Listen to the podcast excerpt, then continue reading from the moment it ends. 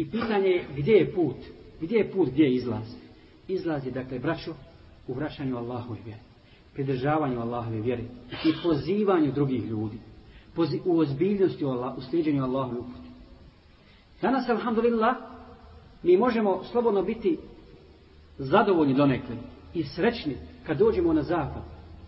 U Njemačkoj ja sam obišao nekoliko džemata ovih dana. Allahu akbar, mesčidi, prostorije, krasne prostorije imaju. Međutim, nema ljudi. Nema ljudi. Ima na džumi, ima. Ali eto, alhamdulillah, i to je dobro. Znači, sad treba raditi. Sad treba raditi. Imamo temelj. Allah je spustio svoj milost na nas. Nije zbog, neki naš, zbog našeg velikog nekog rada. Nego zbog toga što hoće da Islam pobijedi. Što je Allah zadovoljan sa Islamom. Da ljudi slijede pravi put. Da ne odu u stramputicu i da ne odu u džehendem. I kad imamo to, moramo se onda uozbiljiti. Moramo zbiti naše safove. Moramo zbiti naše redove.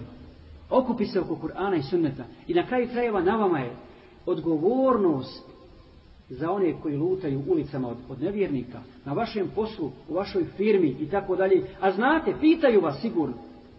I zašto ne pušiš? I zašto ne piješ? I zašto klanjaš? I zašto nosiš bradu? I zašto ovo? I zašto ono? Nemojte odgovarati kad vas pita zašto ne pijete, eto moj stomak to ne podnosi. Nego kažemo da je to islam zabranio i objasnimo islamski propis. Jer svi ljudi teže ka istini. Svi ljudi teže ka uputi. I znajte, vraća, da je uputa prva stvar koju je Allah spomenuo uz poslanika sa sebe. To je najbolja osobina, najveća vrijednost kod čovjeka. Kad bude upućen, kad, kad, kad osjeti zadovoljstvo i svjetlo ima sa sobom.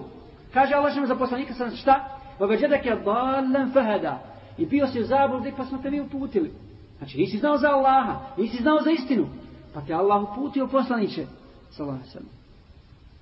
To je najveća vrijednost. I musliman se, braćo, kad prihvati islam, ne može oholiti. Nemo, nemojte se zadovoljiti time što ste vi prihvatili vjeru. Dok drugi ljudi tumaraju u zablud. Budite od onih koji pozivaju drugi. Koji žele sreću drugima. Kao što sam ja osjetio sreću i radost u namazu, u životu u islamu, hoću tako da drugi ljudi budu srećni. Jer nema na drugoj strani sreće i zadovoljstva. Nekada mala stvar može biti uzrok uputi. Mala stvar. Dosljednost tvoja u vjeri. Dosljednost tvoja u vjeri. Pravednost, lijepo ponašanje, lijepo obhođenje može biti razlog da ne progovoriš jednu riječ da čovjek bude upućen. I da čovjek prihvati islam. I da sutra bude, iša Allah, bolji, bolji od nas. I da bude dobar, da bude dobar daje. Koliko je bilo takvih ljudi? Koliko je bilo takvih ljudi koji su bili pokvarenja? I nemojte gledat na to. I ne smijemo, jednu stvar moramo, mora napomenuti, braću. Ne smijemo dozvoliti sebi da kažemo, taj je pokvarenja, taj radi to i to. Gdje smo mi juče bili? Šta smo mi juče, do, do juče radili? Spomenuti samo nekoliko primjera za to. Nekoliko primjera za to.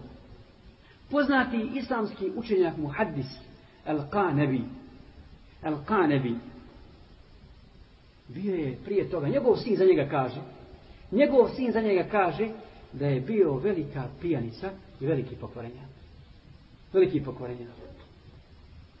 I kad jednoga dana je pred svojom kućom u crvenom ogrtaču svilenom od svile, namjerno je obukao zbog oholosti, zbog sile svoje madalačke, obukao je crveni ogrtač od svile i sjeo pred vrata, čekaju svoje društvo da piju pred kućom. U tom trenutku je kad je naišao šurbe, također poznati muhabis tada, ovaj je bio, dok je ovaj bio pokvarenja. Pa se ljudi oko njega okupili, oko učenjaka se ljudi okupljaju. I on pita, ko je ovaj? Ja, to je šu'be. Ko je šu'be? To je mu hadis. Dakle, pokvareni ljudi ne znaju za učenjaka. Oni znaju za pjevače, za futbalere, za razvratnike i tako dalje. Ne znaju mene učenjaka. Kakav šu'be? To je mu hadis, poznati hadis, koji prenosi hadis poslanika sada srna. I je došao do njega i kaže mu, drsko, e, priča mi hadis kaže ti, jesu ti od njegovog ehla, jesu ti učenjak, kada ti prenosim hadis, on izvu kao sablju, kada je pričao, ćete zbost.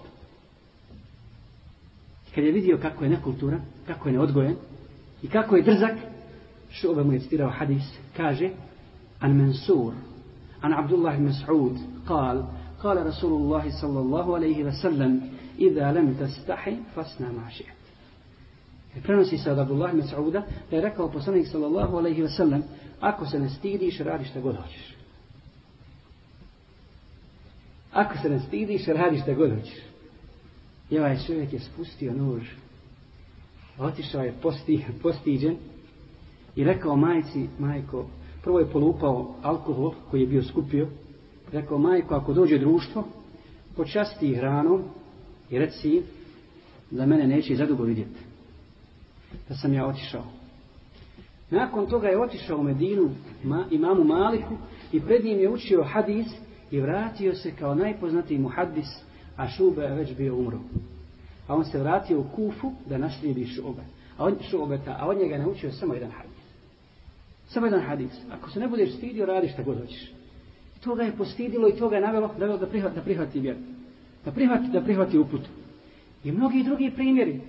Ljudi organizovali priča jedan učenjak, dakle, o stvari jedan čovjek priča o sebi, o svojoj, o svojoj uputi, kako je došao do uputi. Kad jedan dan smo pripremali izlet, pripremali smo izlet, ja i moje društvo, i došli smo na to mjesto i onda smo spremili jednog našeg prijatelja, jednog da ide po mezu, da nam donese mezu. I on je otišao, zadugo se nije vraćao. Zadugo se nije vraćao. I onda smo spremili jednog od nas, u stvari ja sam otišao da vidim šta je sa njim. Na putu sam vidio gužvu. Ljudi se okupili kod jednog auta i vidio sam da je to auto ovog našeg prijatelja.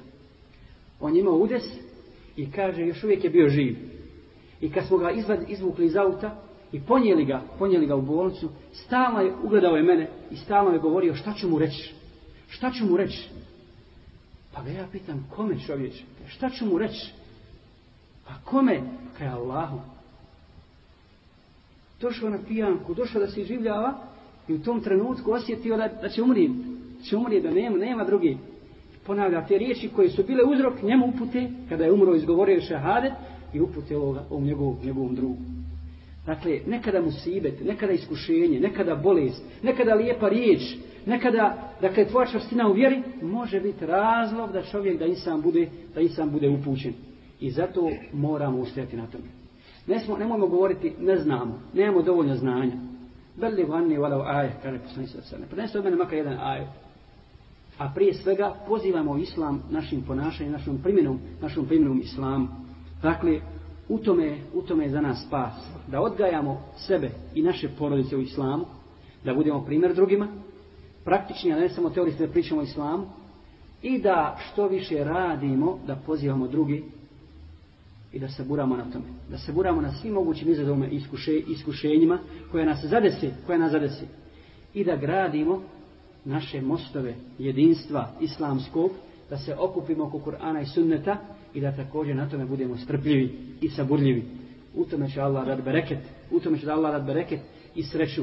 A Allah će svakako rad da Islam pobjedi s nama ili bez nas. Bolje da bude s nama.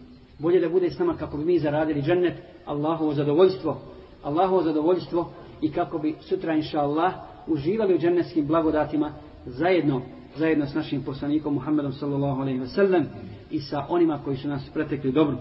Zato ja molim Allaha subhanahu wa ta'ala na kraju da nas učvrsti na istini, da nas okupi oko Kur'ana i sunneta, da ujedini muslimane na istini, na islamu, da ubrza pobjedu istine, da nam oprosti grijeh i da nas uvede u džennet. Amin.